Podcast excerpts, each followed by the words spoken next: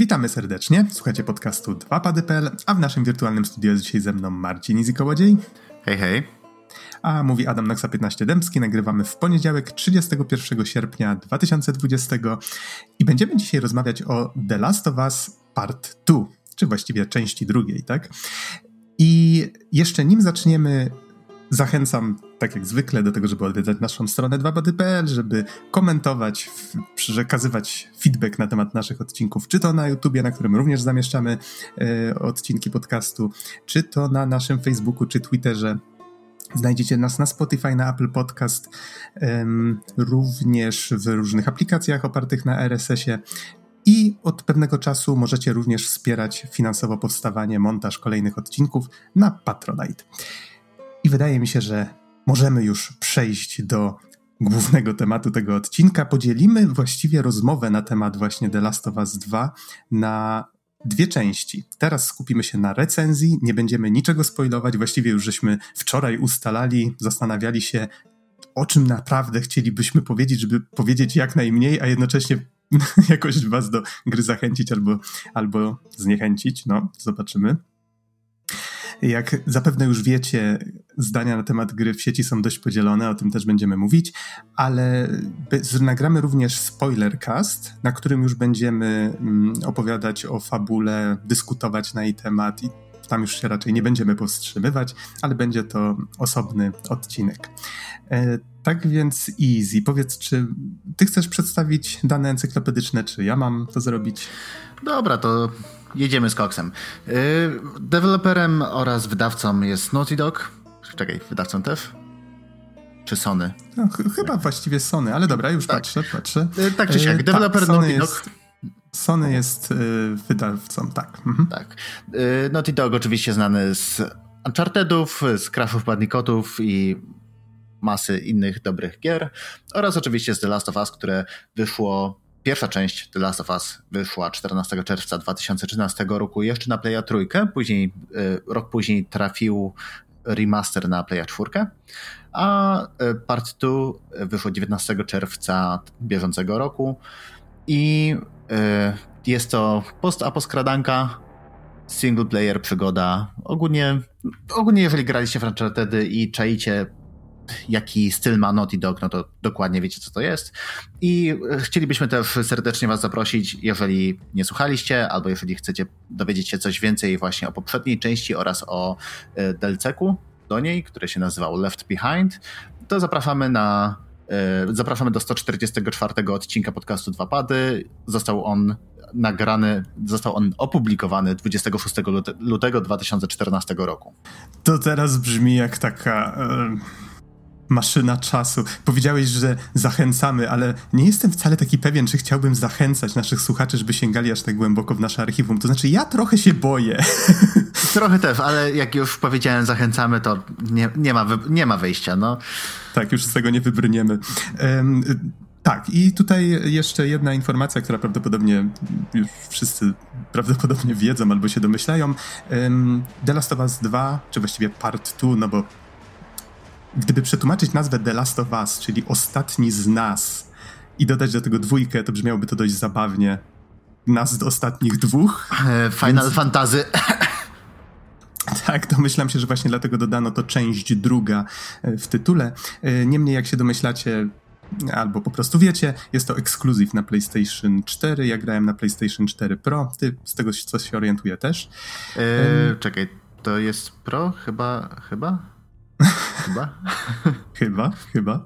Na 100% wyjdzie też jakaś wersja na PlayStation 5, jak już będzie odpowiedni czas na to. E, wydaje mi się, że to nawet nie będzie osobna wersja, co po prostu będzie jakiś, e, jakiś hardware'owy boost do tej aktualnej wersji. Może tak być, troszeczkę się pozmieniało teraz z tymi grami. Niemniej Tutaj wspomniałem, że będziemy starali się jak najmniej na temat fabuły powiedzieć, bo no, po pierwsze, ciężko jest mówić o dwójce, nie mówiąc nawet o fabule jedynki, tak? Jest to bardzo dosłownie druga część tej opowieści, po prostu bezpośrednio kontynuująca wątki, które się już pojawiły. Um, nie chciałbym tutaj właśnie może nawet za dużo mówić na temat, na temat jedynki. Domyślam się, że jeżeli ktoś jest zainteresowany dwójką, to prawdopodobnie w jedynkę już grał, ale będziemy raczej o, o, tych spoilerach i z jedynki, i z dwójki mówić właśnie w osobnym materiale. Więc może tylko tak przypomnę, że była to historia przede wszystkim dwóch postaci. Był Joel i była Ellie. I w tym postapokaliptycznym świecie, jak to tak e, określiłeś, e, jest taka apokalipsa o tyle nietypowa, że mamy tutaj zombie, ale wymyślone w taki, z takim twistem. To znaczy już w jedynce była mowa o tym, że pewien rodzaj grzyba wyewoluował na świecie w taki sposób, że zamiast, tak jak do tej pory, być takim pasoży, pasożytem, który się podczepia powiedzmy pod jakieś niewielkie stworzenia, owady i, i tym podobne, nagle zaczął też wpływać na ludzi. I w ten sposób właśnie tworzyć coś w rodzaju takich no, mutacji, można by powiedzieć. Ludzie zaczęli się zachowywać bardzo agresywnie, zaczęli e, właściwie mm, zjadać się nawzajem, tak? Potem zaczęli te mutacje... się zachowywać jakby byli na grzybach. Oh, easy. Tak, ale nie, e, jeżeli e, skończyłem tutaj niemerytoryczny komentarz, jeżeli chodzi o merytoryczny, to właśnie polecam poczytać trochę albo obejrzeć, chyba na National Geographic był i ten, e, fragmenty tego programu e, są też do znalezienia na YouTubie o grzybach, które się nazywają kordycepsy i to są, e, to jest taka rodzina grzybów, które rzeczywiście wpływają na funkcję mózgu istot, na których pasożytują. Mhm. Zgadza się.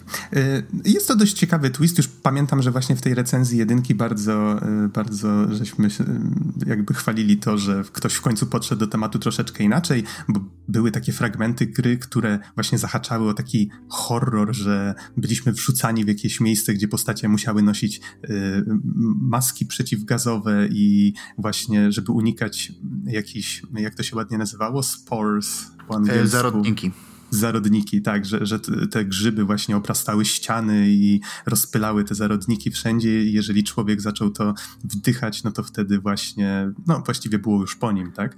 Więc ludzie nauczyli się tak reagować, że no, noszą ze sobą taki sprzęt i e, gdy tylko napotkają coś takiego, to Wtedy wiedzą, że w pobliżu mogą być też inni zarażeni.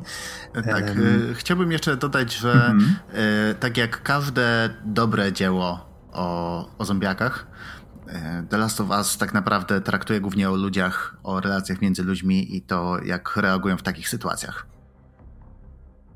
Mhm, tak, tak, czyli przede wszystkim była to właśnie historia tych dwóch postaci. To była taka historia drogi, gdzie Joel, który, no, właściwie nie był, nie był jakąś kryształową postacią, nie był jakimś rycerzem e, w, w, w śnieżno-białej zbroi, tylko no, był przemytnikiem, który właściwie nie jednego człowieka już w życiu zabił gołymi rękoma prawdopodobnie i dostał za zadanie mm, wywiezienie, z tego co pamiętam, z Bostonu do Salt Lake City, miał przetransportować um, przemycić właściwie, tak?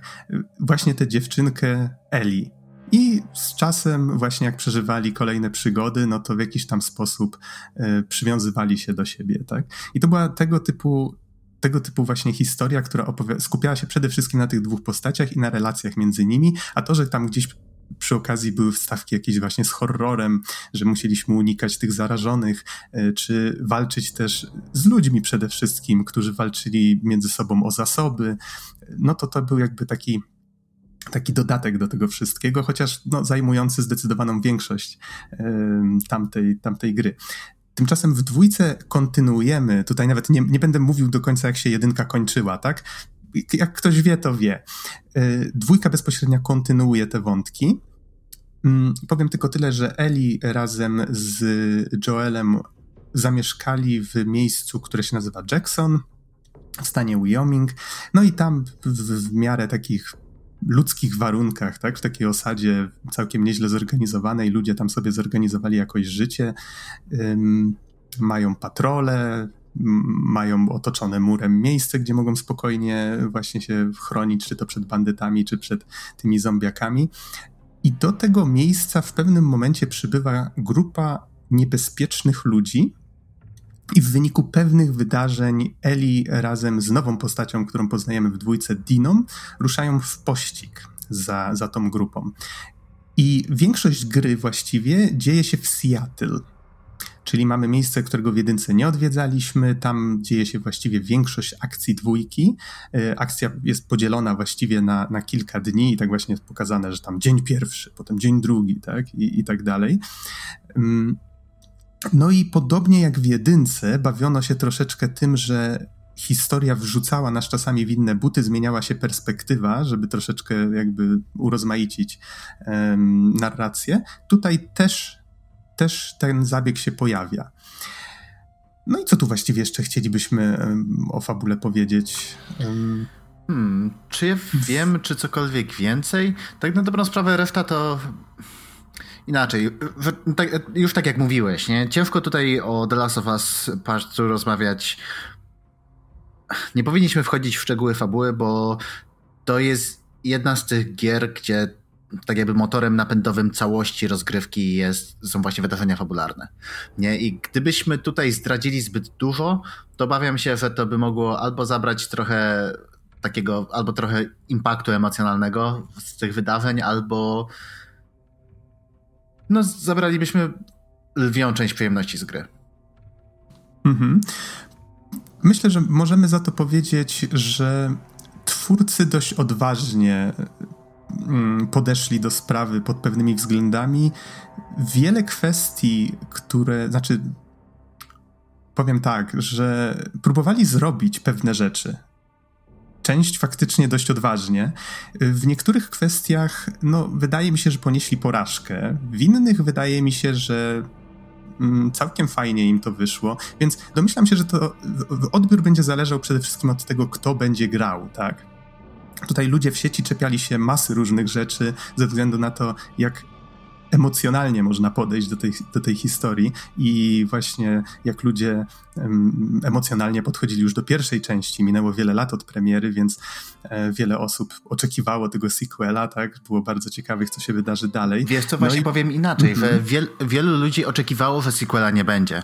E, tak jakby A, to też. E, zakończenie jedynki właśnie było takie, że nie zamykało wszystkich, nie dawało wszystkich odpowiedzi, otwierało powiedzmy nowe pytania, ale właśnie dzięki temu, że było takie mm, że zostawaliśmy z niewiadomymi i zostawa, zostawiało trochę pola do własnej interpretacji. Wydaje mi się, że to właśnie była, e, to było jedno z lepszych zakończeń gier wideo i dlatego tak emocjonalnie oddziaływało na ludzi. I to też tak jakby mhm. E, opinie w internecie, które można wyczytać, wydaje mi się, że też mogą być częściowo podyktowane tym, że ludzie nawet nie chcieli sequela nie? że chcieli się domyślać, nie chcieli wiedzieć, co się dzieje dalej. Tak, jestem w stanie się z tym zgodzić. To zdecydowanie była historia, która nie potrzebowała sequela i to było niepokojące, że go dostaje, tak? No i wydaje mi się, że Naughty Dog samo zawiesiło sobie poprzeczkę bardzo, bardzo wysoko. No i niestety, jeżeli już tak miałbym z własnych odczuć jakoś ocenić tę fabułę w ramach recenzji, to Wydaje mi się, że po pierwsze, po pierwsze ta historia jest zbyt mocno rozciągnięta. To znaczy, samo przejście gry zajęło mi około 30-35 godzin. Już nie byłem w stanie tego sprawdzić, bo ją skasowałem z konsoli. Było to chyba gdzieś tam koło save'a naliczane. E, niemniej, niemniej przez wiele momentów w tej grze miałem takie odczucia, że że dałoby się to troszeczkę przyspieszyć, tak? Że jest dużo takich wypełniaczy w, w grze, które sprawiają, że że, ja czuję, że, że marnuję czas. Wiem, że to może tak niektóre osoby trochę uderzy, że okej, okay, no ale to po co grałeś, tak? Ale ja uważam, że Naughty Dog to jest takie studio, które przede wszystkim stoi ostatnimi laty fabułą, tak? Ja i Uncharted lubię grać ze względu na fabułę y, i właśnie The Last of Us Mm, pchało mnie to do przodu, tak? Więc też miałem takie oczekiwania, że właśnie będę grał przede wszystkim w dwójkę dla fabuły. Tymczasem jest tu dużo takich momentów, które są upakowane tym gameplayem, postacie non-stop ze sobą rozmawiają, co też jest takim y, charakterystycznym jakby elementem gier Naughty Dog, więc ta narracja niby cały czas się toczy, ale ze względu na to, że tu jest jakby kolejna, kolejna rzecz, która trochę mi nie pasuje w tej fabule wydała mi się bardzo przewidywalna. To znaczy, ona porusza taki dość poważny, smutny temat, ale robi to w taki raczej banalny sposób, że ja grając miałem takie odczucie trochę jakby gra dla dorosłych traktowała mnie trochę jak dziecko. I no wiem, że to może zabrzmi trochę tak surowo, dziwnie, ale, no, ale właśnie miałem odczucie, że okej, okay, ja już wiem, co się będzie, co, do czego twórcy zmierzają i co prawdopodobnie będzie się działo przez kolejne kilka tam N godzin. I czułem się właśnie tak, że no kurczę, no to skoro to jest już tak pewne, że, że pewne rzeczy się wydarzą, ja już po prostu tak wiedziałem, tak czułem, że coś się wydarzy konkretnego, to dlaczego to tak rozciągać? Nie wydaje wiem, jakie się, twoje że, odczucia. Wydaje mi się, że mm, tutaj mamy tak jakby dwie takie rzeczy, które się y, trochę połączyły w jedną i wpływają na to takie przedłużanie, przedłużanie gry. Y, Pierwszą z nich jest The Last of Us Left Behind, które było DLC-kiem, chyba kosztowało na premierę 20 dolarów, a można było skończyć w godzinę. I to nawet nie spiesząc się zbytnio. I bardzo dużo ludzi na internecie właśnie miało problemy, że że o DLC 20 dolarów to jest jedna trzecia gry i że to jest straszne zdzierstwo, że tyle nie powinno być, powinien dać co najmniej parę godzin rozgrywki, a według mnie E, tak jakby właśnie w ciągu tej jednej godziny, tam godziny półtorej rozgrywki dawało tyle różnych emocji i tak dobrze to było poprowadzone, że kurde, więcej takich DLC-ków, które fanują i mój czas i przekazują bardzo fajnie ustrukturyzowaną historię. E, I to jest tak jakby jeden aspekt. Drugi aspekt to mm, powiedziałbym, że tak szeroko zakrojona amerykanizacja w sumie tutaj zarówno jeżeli chodzi o fabułę, czyli takie trochę spłaszczenie, takie momentami czułem się jakby gra mi mówiła, że o masz czuć, masz teraz y, odczuwać emocję X, a za chwilę będzie emocja Y, a do tego jeszcze weź sobie postrzelaj w międzyczasie, bo pewnie się znudziłeś, bo tyle gadaliśmy. I już to znaczy, tak, tak, tak, tak, masz, masz rację. Faktycznie, ja przyznam szczerze, nie, nie zdążyłem odświeżyć sobie jedynki, więc nie jestem w stanie bezpośrednio ją porównać. Moi znajomi, którzy znają jedynkę bardzo dobrze i przeszli ją wielokrotnie, mówili, że e, no, dwójka nijak się ma do, do jedynki i tak dalej. Nie jestem w stanie tego aż tak dokładnie zweryfikować, ale faktycznie z tego co pamiętam, ona nie traktowała widza tak, widza gracza, nie, nie, nie podsuwała rzeczy aż tak na talerzu, tak? Faktycznie trzeba było trochę bardziej się w to wgryźć, troszeczkę bardziej pomyśleć nad tym, co się w tej grze robi, spojrzeć na ten świat z troszeczkę innej perspektywy i, i, i samemu ocenić to, co robią bohaterowie, tak? Tak, właśnie y, wydaje mi się, że tak jak w jedynce nie mieliśmy powiedziane tak wprost, kto jest dobry, a kto jest zły, nie? Nie, nie było właściwie dobrych i złych. Po prostu tak. byli ludzie, którzy chcieli przetrwać i mieli swoje motywacje i cele. Tak? Dokładnie. I właśnie tak. Yy, w, w jedynce dużo bardziej się zgadzałem z bohaterami i z tym, co robią. Nie? Na zasadzie, że okej, okay, dobra, może tak jakby nie popieram takiego zachowania, ale w pewien sposób rozumiem i samemu nie wiem, jakbym się zachował. Z kolei tutaj dużo bardziej od strony takiej narracyjnej po prostu yy, czułem taką separację między tym, co chce postać, a co chcę ja. Mhm, tak, tak. To, to jest dokładnie to samo uczucie po mojej stronie, więc może nie będę się powtarzał. Um, ale to, jak, jak, widzicie, jeżeli chodzi o fabułę, można tutaj mieć dużo sprzecznych emocji. I wydaje mi się, że właśnie to rozgraniczenie y, motywacji gracza, a motywacji postaci, czy może nie tyle motywacji, co, co odczuć emocji, tak? że jest tu taka pewna desynchronizacja między grającym a, a postacią, że w pewnym momencie ja się już czułem nie jako osoba odgrywająca postać, tylko jako bierny obserwator, który po prostu ma kontrolę nad pewną ograniczoną kontrolę, tak, nad tą pacynką na ekranie. Yy, więc to też tak w sumie zmusiło mnie do kilku ciekawych przemyśleń, ale, ale było to takie dość dzi dziwne uczucie, tak, Ta, taka tak. desynchronizacja. Nie, I właśnie to takie, że w pewnym momencie yy, już po prostu po chciałem popchnąć tą fabułę do przodu i było takie, o Boże, znowu gameplay, nie? Że tak jakby nie odczuwałem przyjemności z poznawania dalej historii, bo była właśnie strasznie przeciągnięta i po prostu cały czas miałem tak z tyłu głowy takie po co, dlaczego, ale e. Mhm. Yeah. Ale, ale żeby może y, trochę pozytywów teraz przedstawić, podobnie jak w jedynce, wszystkie te sceny są genialnie zagrane. To znaczy profesjonalni aktorzy, tutaj o, oczywiście postacie są właściwie złożone z kilku ludzi, że tak to ujmę. To znaczy jest ktoś, kto podkładał głos, jest ktoś, kto y, grał tę postać na przykład y, w trakcie sesji motion capture. Czasami to są ci sami ludzie, co podkładali głos. Y, chociażby tutaj spojrzę tylko w notatki, ale Troy Baker to Joel, tak, Ashley Johnson to Ellie i nie jestem pewien, ale w ich przypadku chyba oni też właśnie grali w motion capture. Tak, tak.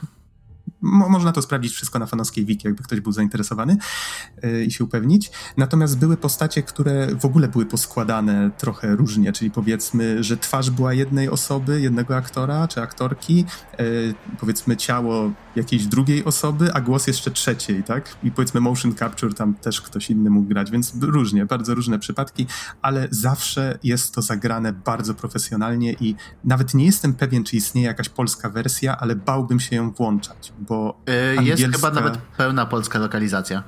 Okej, okay. to znaczy niezależnie od tego, jak dobrze aktorzy by nie starali się tego grać, wydaje mi się, że ta angielska wersja jest po prostu taką, takim sposobem, w jaki powinno się tę grę doświadczać, tak? Bo to byli ludzie, którzy bezpośrednio się wczuwali w te postacie, dokładnie wiedzieli jakby jak to grać, w jakich są, w, w jakich są miejscach, tak? No, to wszystko było wyreżyserowane z myślą o tych aktorach. Więc to, to akurat jest totalny profesjonalizm, jeżeli o to chodzi. No, scenariusz tutaj już różnie wypada i niestety wydaje mi się, że jest chyba no, najgorszą częścią całego tego zestawu. Um, to może właśnie przejdźmy dalej, powiedzmy troszeczkę więcej na temat mechaniki. Tak, o narracji jeszcze będziemy gadać w spoilerkaście. Tak, zdecydowanie. Tutaj, jeżeli tak w, w, ramach przejścia właśnie między mechaniką a narracją, jeszcze można dodać, że powraca coś takiego, co chyba było w jedynce, czyli dziennik. Um, poprawnie, jeżeli się mylę, ale wydaje mi się, że było coś Tak, podobnego. i było w jedynce, i było w Unchartedach.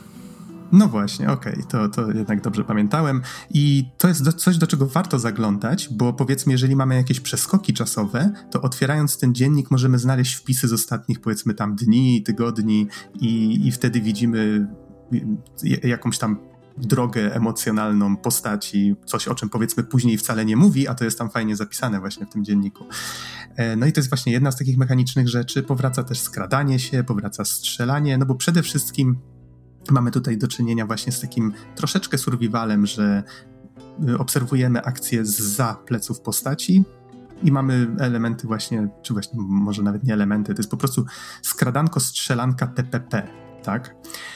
Um, eksplorujemy otoczenie szukając zapasów, z których możemy tworzyć sobie sprzęt. E, czekaj, czekaj, czekaj. Jeszcze co do, e, co do samego skradania się, nie? To tak chciałem jeszcze dodać, że tam rzeczywiście E, tego skradania jest trochę więcej i wydaje mi się, że mamy więcej możliwości. Rzeczywiście, żeby tam pomalutku, po cichutku gdzieś zajść po prostu przeciwników od tyłu i, e, i tak jakby zakończyć walkę bez, bez takiej otwartej wymiany ognia. Co więcej, gra rzeczywiście momentami nawet nas zachęca do tego, wprowadzając tam nawet typy przeciwników i e, też tutaj doszło czołganie się którego chyba wcześniej nie było w jedynce, z tego co pamiętam. No właśnie, tak jak mówię, ni niestety nie zdążyłem sobie jej odświeżyć, więc nie potrafię powiedzieć, ale tak, tutaj jest czołganie, jest bardzo dużo trawy, która bardzo fajnie wygląda swoją jest drogą. Jest color-coded trawa swoją drogą.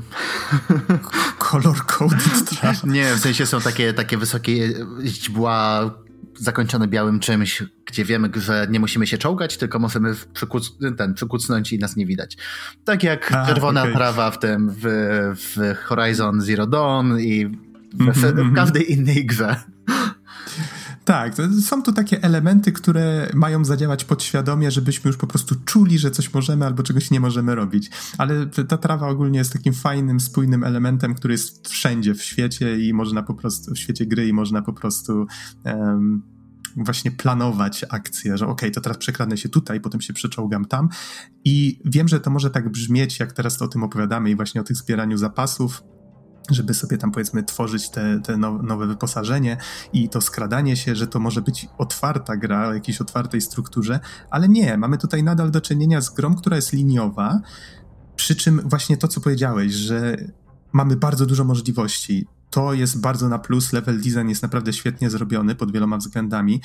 I faktycznie nie pamiętam, czy w jedynce tak było, ale tak jak tutaj wspomniałeś, można chyba większość tej gry przejść po prostu nie zabijając nikogo. Po prostu, jeżeli się wie, gdzie dojść. I to, to jest minus, taki drobny, że ja nie do końca wiedział, widziałem sens właśnie w tym, gdzie te postacie idą, tak? Z reguły jest jakiś tam punkt, jakaś wieża na horyzoncie, taka umowna, do której dążą postacie, ale jakby to, gdzie w danej arenie, nazwijmy to, gdzie tam jest, są różne ścieżki, jakieś budyneczki, tak, między którymi możemy się przemieszczać, widzimy tam jakieś, powiedzmy, patrole tych przeciwników, e, możemy gdzieś pójść poszukać znajdziek albo właśnie tych materiałów, możemy zacząć strzelać do tych ludzi albo próbować eliminować ich cichaczem, ale zawsze jest jakieś jedno miejsce, do którego musimy dotrzeć, żeby popchnąć akcję do przodu i bardzo często to miejsce jest zupełnie, wydaje się, takie nieintuicyjne, tak? To znaczy, tak jakby było ukryte, żebyśmy za pierwszym razem, tak nie, patrząc na nie, nie byli w stanie stwierdzić, że to na pewno tam.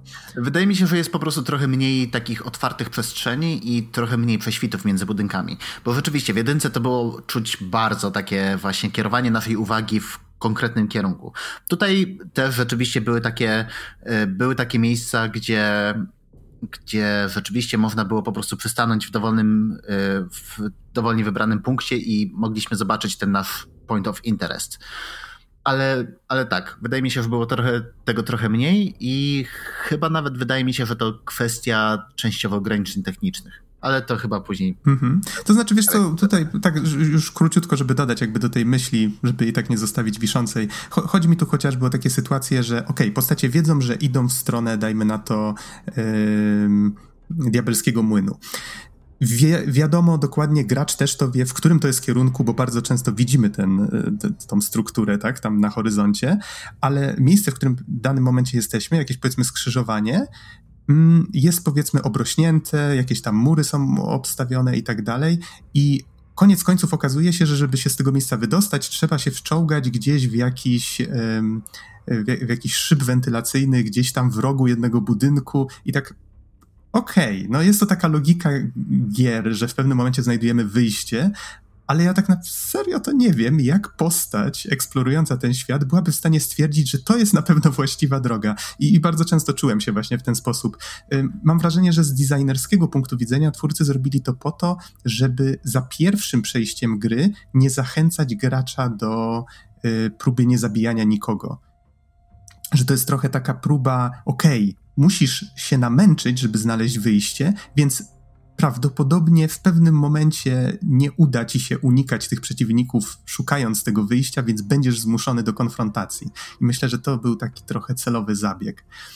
Tak, w ogóle nawet y, nowe typy przeciwników, które się pojawiły, y, które się pojawiły w The Last of Us Part 2, tak jakby jeszcze mocniej mm, y, kładą jeszcze mocniejszy nacisk na to, żeby zmusić gracza albo do kombinowania, mocniejszego kombinowania, albo do bezpośrednich starć. Nie, w sensie pojawiają się psy, które śledzą nas i podążają za naszym zapachem, więc albo musimy bardzo szybko i bardzo często zmieniać e, po prostu e, miejsca ukryć, e, ukrywania się, albo musimy je załatwić chcemy szybciej. Nie? Więc do tego jeszcze są na przykład nowe, nowe grzybozombiaki, które też nas śledzą i atakują nas ze stron, w sensie poruszają się cicho i nie słyszymy ich przeważnie, jak na, jak na nas wyskakują. Mm, wydaje mi się, że one Co, były już y wcześniej chyba. Y hmm? Wydaje mi się, że ten typ taki y, tych właśnie zarażonych, który porusza się tak, że nie jesteś w stanie ich usłyszeć, chyba był już w jedynce. Był? A, to... może, może się mylę, okay. ale wydaje mi się, że były. Tak, a mi z kolei się włączyło przerwanie w mózgu, bo... Myślę, że warto tutaj zaznaczyć, że rzeczywiście mamy powrót mechaniki z jedynki, gdzie możemy się zatrzymać, wycisnąć R1 i wtedy całość się robi czarno-biała i mamy takie białe plamy yy, tam, gdzie są przeciwnicy, którzy wydają jakieś dźwięki.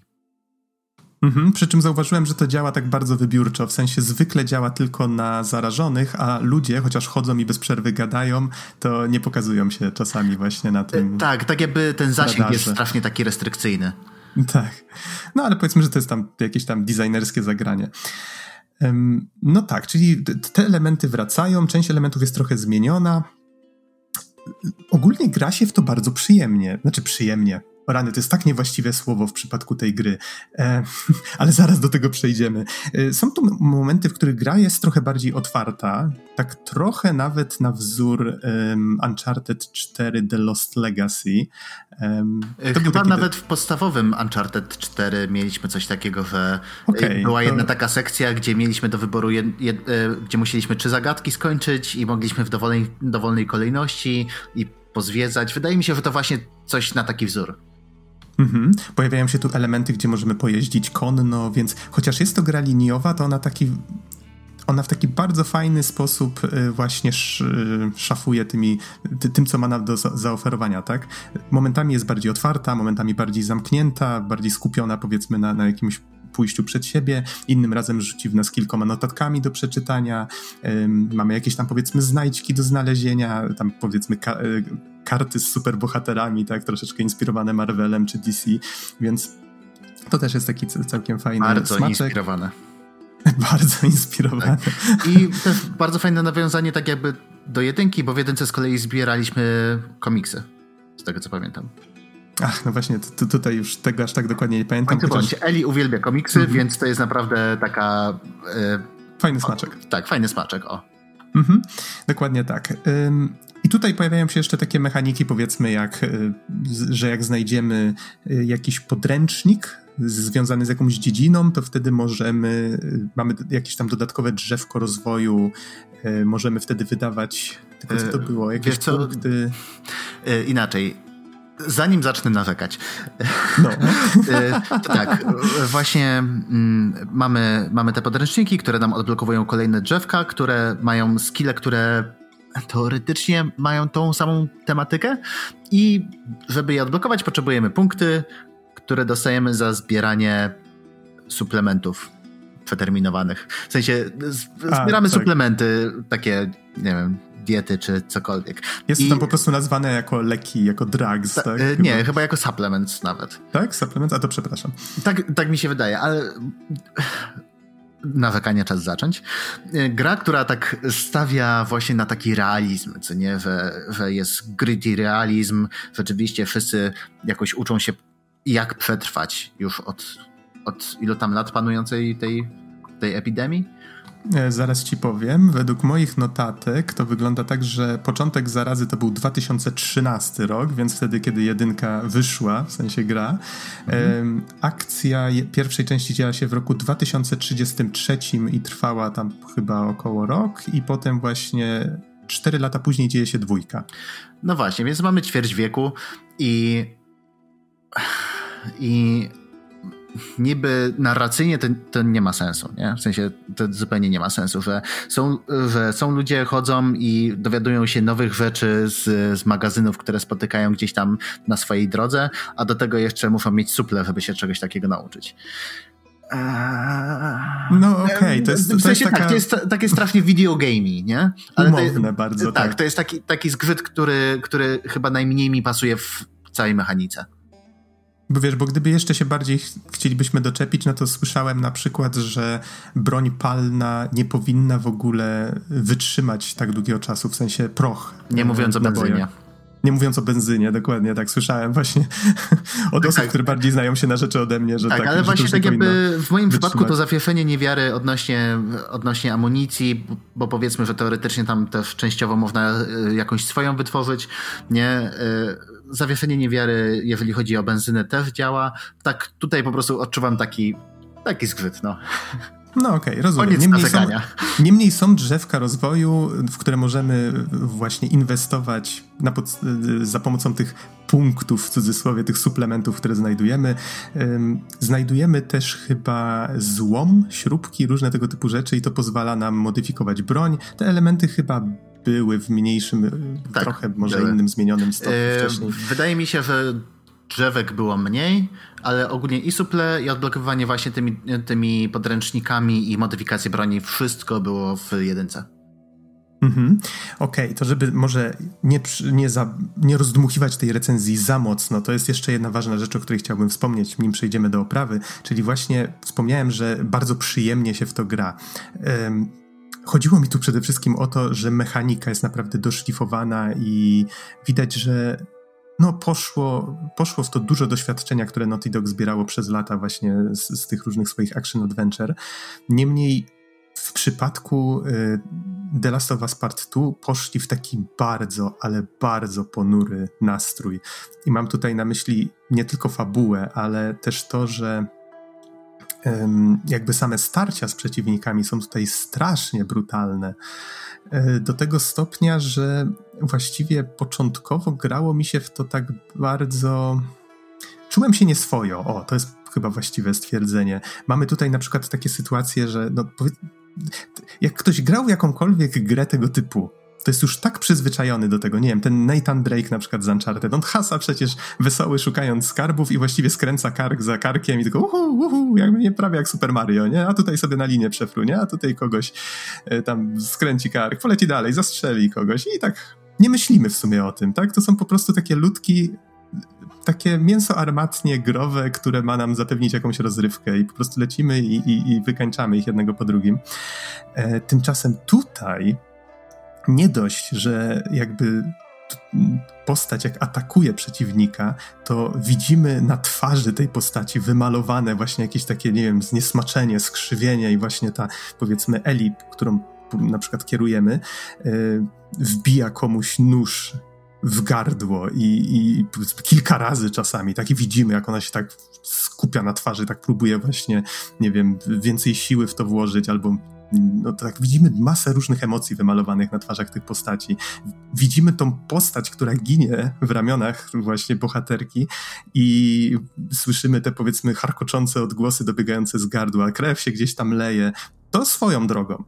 Ale jak ja się schowałem po czymś takim, gdzieś tam w trawie, nagle inny strażnik zauważył tego swojego kumpla i krzyknął do reszty: Hej, słuchajcie, tam Bob Bob zginął, ktoś go zabił, trzeba znaleźć kogoś, kto to zrobił, nie? I ja tak, o, puf, jeszcze mi powiedzcie, że każda z tych postaci ma imię i że wołają do siebie za każdym razem. I tak ma. Fakt, faktycznie, faktycznie okazało się, jak grałem, że te postacie krzyczą do siebie po imieniach i reagują w miarę realistycznie na sytuację, w której się znajdują. Czyli powiedzmy, jak cicho ich likwidujemy, to praktycznie y, nie wiedzą, co się dzieje, tak? Ale jeżeli tylko jeden z nich zginie, to automatycznie w całym obozie, czy tam w, jakimś, w jakiejś stróżówce, gdziekolwiek, zaczyna się robić robić bardzo chaotycznie, zaczynają chodzić, szukać i no nie uspokajają się tak łatwo, tak? I, tak, i, faktycznie... więcej oni tam dalej krzyczą do siebie właśnie korzystając z imion, nie? Więc to jest bardzo ciekawe, jak tam właśnie kogoś ubije się po cichu, a potem tylko chowamy się i ktoś idzie i w, w pewnym momencie tam idą w trójkę i mówi, okej, okay, Rose, ty sprawdź tam lewe skrzydło, ty tam Frank, sprawdź to, nie? Idzie dalej, a później, o nie, mają Teda, nie? I to dodaje takiej pewnej głębi właśnie do, do tej walki, że tak jakby czujemy po prostu, że to jest zabieg, żeby to nie były NPC, nie? żeby pomyśleć o tych przeciwnikach bardziej jak, jak o ludziach. Tak, że my zabijamy właściwie ludzi, którzy stoją nam na drodze. I szczerze mówiąc, ten zabieg zadziałał na mnie miejscami nawet bardziej niż sama fabuła. Więc tutaj jak najbardziej e, propsy dla, dla Naughty Dog, że się odważyli zrobić coś takiego. Przy czym jest to też taki taka. Pozwala to też fajnie zauważyć, że nawet jak pchamy granice tej brutalności w grach dalej, e, to tak czy owak człowiek się w stanie przyzwyczaić dosłownie do wszystkiego, bo jak tę grę kończyłem, to już nie wywoływało to we mnie aż takich emocji, co tak, jest trochę niepokojące. Wiesz co, zarówno to, że oni gadają właśnie odnoszą się do siebie po imionach, jak i cała ta brutalność tak w pewnym momencie zobojętniała. Nie? I tak jakby to też się trochę się wpisuje w narrację, powiedzmy, ale nie do końca. Ale tak, zgadzam się, że rzeczywiście e, studio, które na początku mówi tak jakby o tym, że chcą pokazać, jak, ta, jak bardzo ta brutalność nie ma sensu i tak dalej, i tak dalej, i nie chcą niczego gloryfikować. I później rzeczywiście no, no to trochę to robią. Ale y, z takich śmiesznych elementów, to nawet jeżeli studio jest, to jest triple, wydają AAA gry i po prostu gry, które za każdym razem popychają trochę tak jakby granice możliwości sprzętu, granice możliwości designerów i tak dalej, i tak dalej, może się wkraść coś głupiego. Tutaj to jest zupełna anegdotka, która się przydarzyła znajomym. Ogrywali The Last of Us Part 2 i trafili do miejsca, gdzie rzeczywiście było całkiem sporo przeciwników i z 6 czy 7 osób miało to, to samo imię. I to brzmi, mówi, mówili, że brzmiało to kuriozalnie, nie? Na zasadzie, że rzeczywiście tam przez większość gry jakieś różne imiona, jakieś takie emocje, co nie? A później słyszą i w jednym miejscu, okej, okay, Ted, ty idziesz w lewo, ty Ted idziesz w prawo, ja idę do przodu. O nie, postrzelili Teda, szybko, Ted, pomów nam, nie? I nagle cały czar pryska. Mnie się całe szczęście coś takiego nie zdarzyło, ale tak jak mi wczoraj to po raz pierwszy powiedziałeś, to też wybuchnąłem śmiechem. Do, dobra Wszystkim historia. się zdarza, no. no cóż, gry to gry, to skomplikowane mechanizmy. Kochajcie Tedów, tak szybko odchodzą. Dokładnie tak. Um, Okej, okay, to skoro wspomnieliśmy o tym, a to wydawało mi się właśnie, że to jest bardzo ważny element, Jedna rzecz, o której też myślę warto wspomnieć, ale w tym przypadku krótko, nie ma tym razem w grze multiplayera. To znaczy w pierwszym The Last of Us był, Przyznaję, że w niego nigdy nie grałem. Zawsze właściwie sięgałem po te gry tylko ze względu na single player, więc nawet nie jestem w stanie powiedzieć, ile tak naprawdę straciliśmy. Wiesz co, zagrałem osobiście... może dwa razy, ale Aha. nic nie straciliśmy. W sensie to okay. jest y, trochę, trochę bardziej drewniany Uncharted.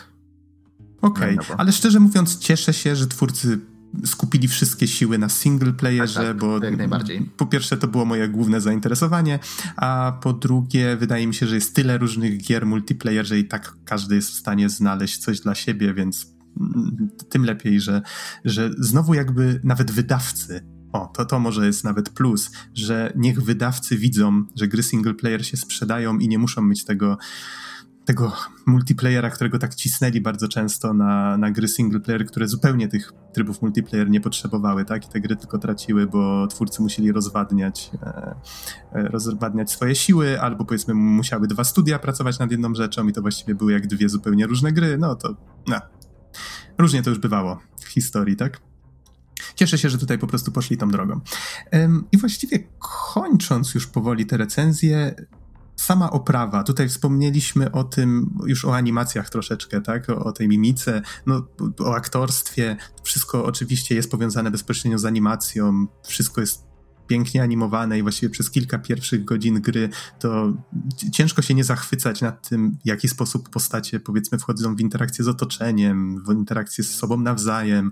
No jest to po prostu tak cudownie zrobione. Widać, że masa, masa czasu na to poszła i umiejętności. Tak, technicznie to jest majstersztyk. Zarówno jeżeli chodzi o, e, o samo tak jakby zaprogramowanie tego, żeby wszystko było wyświetlane, optymalizację i tak dalej, i tak dalej, i tak dalej, i tak dalej, ale e, jeżeli chodzi o samą oprawę wizualną, to też tak jakby sam design lokacji. W sensie e, Oczywiście zdarzają się jakieś tam pojedyncze wpadki, typu, że jakaś tekstura się trochę wolniej doczyta albo coś, ale widać, jak to jest zaprojektowane, żeby dawać, żeby po prostu było jak najwięcej detali wokół nas. Nie, czy to jakieś plakaty na ścianach, czy kartki porozrzucane, czy właśnie kwiatki, bufe, trawy, cokolwiek innego. Nie, jest mega różnorodnie i jestem pod gigantycznym wrażeniem, naprawdę, jak ta gra wygląda w ruchu. Mhm, tak, tak, to prawda. Jest pojawiają się różne bardzo fajne miejsca swoją drogą, chociaż czasami mam wrażenie, że mm, dość często mamy takie wielogodzinne bloki, gdzie jest faktycznie tak szaro, buro i dość monotonnie. Znaczy monotonnie w sensie, że otoczenie wydaje się takie raczej podobne mm, do siebie, ale zdarzają się tutaj właśnie takie odstępstwa od reguły, gdzie faktycznie no, otoczenie zapada w pamięć. Co prawda można by się tutaj znowu przyczepić, że tam 20-25 lat, tak, to jest zdecydowanie za mało, żeby świat zmienił się aż tak, jak, jak w świecie gry. E, tam powiedzmy, że między, e, między wieżowcami gdzieś tam płyną całe rzeki rwące i tak dalej. Myślę, że to raczej, raczej taka bardzo odważna, artystyczna wizja, ale na pewno robi wrażenie bardzo mi się podobały niektóre pomysły, które tam e, zawarto. A nie wiem, czy chciałbyś coś powiedzieć jeszcze na temat muzyki może? E, jeżeli chodzi o muzykę, to szczerze mówiąc jakoś nie zapamiętałem jej aż tak bardzo, nie? W sensie inaczej. podczas gry rzeczywiście robi wrażenie, jest bardzo, bardzo ładnie zintegrowana ze wszystkim, co się dzieje na ekranie i, i no po prostu idealnie buduje klimat. Ale to jest jeden z tych soundtracków, który według mnie nie wybija się jakimiś takimi pojedynczymi motywami, które rzeczywiście by zapadły głęboko w pamięć, chyba że jest kilka licencjonowanych utworów, które są oczywiście zaaranżowane odpowiednio na potrzeby samej gry i one zapadają w pamięć, ale yy, właśnie przez to, że pakują taki odpowiedni jakby to powiedzieć, po prostu taki ładunek emocjonalny po prostu odpowiedni. Wprowadzają w odpowiedni nastrój. Tak, tak. I nie no, mi się, osobiście bardzo mi się podobało. Pewnie będę musiał któregoś dnia sobie odświeżyć tak jakby sam soundtrack w oderwaniu od gry, ale wydaje mi się, mam, mam takie wrażenie, że po prostu to nie będzie to samo. Mhm. Hmm. Co tu właściwie jeszcze można, można by dodać? Chyba, chyba o większości rzeczy żeśmy powiedzieli. O muzyce, tak. o o grafice. No tutaj warto podkreślić, ta gra faktycznie jest taką techniczną perełką i wyciśnie z waszej konsoli siódme poty. Ogólnie e... Naughty Dog jest znane z tego, że potrafią wyciskać tak. po prostu wszystko z konsol i oni nawet zaczynali e, o, oczywiście side tangent na temat niezwiązany z, z grą, którą recenzujemy. Dzień dobry. E, Naughty Dog tworząc Crash'a Bandicoota, nie, właśnie jak pokazywali swój pomysł Sony, to Sony w międzyczasie chciało zrobić, chciało zerżnąć ich pomysł i zrobić swoją własną przygodówkę w takim samym stylu. Nie? I w pewnym momencie inżynierowie Sony powiedzieli, że nie, czegoś takiego na Playu 1 nie da się zrobić. Po czym przychodzi Naughty Dog, cały na biało, bez dokumentacji technicznej Playa 1, bo wszystko było po japońsku i mówi, ej, patrzcie co zrobiliśmy, działa i wygląda 100 razy lepiej niż u was. Wow, nie słyszałem tej historii nigdy. Y, to ten Occlusion Cooling w tym, w Crashu Bandicoocie, to właśnie oni jako pierwsi tam w pełni zaimplementowali. Nigdy się nie zastanawiałem nad tym. Faktycznie te plansze są bardzo długie i mają tak, dużo geometrii w sobie. Mają dużo geometrii, ale z drugiej strony też mają bardzo dużo elementów po bokach, żeby zasłonić to, jak bardzo są długie i żeby zasłonić właśnie jakieś te. Więc to jest i genialny design, i e, zarówno jeżeli chodzi o kod, jak i o, o same miejscówki. I właśnie tak jakby to, te elementy charakteryzują wszystkie gry Naughty Dog. Mhm. No okej. Okay. Czyli może tak w ramach podsumowania, bo czyli ze, względu, ze względów technicznych myślę, że jeżeli ktoś lubi grać w gry, które ślicznie wyglądają, no to to jest jedna z nich. Jeżeli ktoś lubi grać w gry action adventure, to myślę, że to też jest właśnie świetny przykład, jak można zrobić tego typu grę. Już wspomniałem, że Fabularnie, fabuła wypada najsłabiej z tego całego pakietu, przy czym, no ze względu na to, jak wypada cała reszta, to też nie znaczy, że wypada jakoś bardzo źle, ale to zależy, kogo zapytacie. Zdania są bardzo podzielone na ten temat i mam nadzieję, że zaraz trochę bardziej się rozwiniemy na, na spoilerkaście w, w tej kwestii. Przy czym, no właśnie pamiętajcie, jest to historia, która jest bardzo, bardzo smutna i przede wszystkim bardzo, bardzo brutalna, tak? Co pasuje niejako do, do świata, w którym się toczy akcja. No i, no i też widać, jeżeli ktoś jest fanem jedynki, to wcale nie musi być fanem dwójki. To jest coś, co już nawet chyba sami twórcy w wywiadach mówili e, przed premierą i w pełni się z tym zgadzam, tak? To, to jeżeli wam się podobała historia jedynki, wcale nie znaczy, że historia dwójki będzie wam się podobać. Tutaj warto mieć to na uwadze. I nie wiem, Izzy, chciałbyś coś, coś dodać od siebie, czy polecasz? Yy, tak, to znaczy inaczej. Yy, pierwsze, co bym chciał zrobić, to podziękować Kamie, z, której, z którą kończyłem właśnie The Last of Us i wydaje mi się, że gdyby nie to, że graliśmy we dwoje, to, to chyba bym nie skończył. W sensie... Chciałbym naprawdę polecić tą grę z, tak z czystym sumieniem i według mnie warto w nią zagrać i samemu się przekonać, tym bardziej, że tak dużo sprzecznych i po prostu tak dużo sprzecznych opinii lata po internecie, że ciężko ciężko powiedzieć, ciężko z czystym sercem powiedzieć, polecić, że to będzie dobra gra i że wam się spodoba. Ludzie mają zupełnie, zupełnie różne zdania na ten temat, ale nawet tak abstrahując od tego wszystkiego, co przeczytacie w internecie i czy ludzie będą mówili, że to jest najgorsza gra na ziemi, czy to jest lista Schindlera wśród, wideo, wśród gier wideo, to wydaje mi się, nawet jeżeli się nie spodoba, warto ograć ten tytuł, wyrobić sobie samemu opinię i po prostu zobaczyć, czym to tak naprawdę jest. Bo jeżeli nie zagracie, to naprawdę stracicie grę, która jest mechanicznie bardzo dobra, jest świetnie techniczna, dobra, technicznie dopracowana, która y, porusza bardzo ciężkie tematy, których, y, które nie są w taki sposób często poruszane w grach wideo, która nie stara się niczego gloryfikować, ale ma też swoje niedociągnięcia. I to jest jeden z tych tytułów, na które ludzie czekali to znaczy, nawet nie tyle ludzie czekali. Jak się dowiedzieli, że powstaje druga część, już wtedy byli podzieleni i już wtedy pewne opinie zostały utworzone. I jak ludzie gromadzą sobie takie, takie silne emocje, jeszcze które się wiąż, wiążą z pierwszą odsłoną, ciężko ciężko po prostu yy, przyjąć czyjąś ocenę tak przez internet bez, bez ogrania samemu.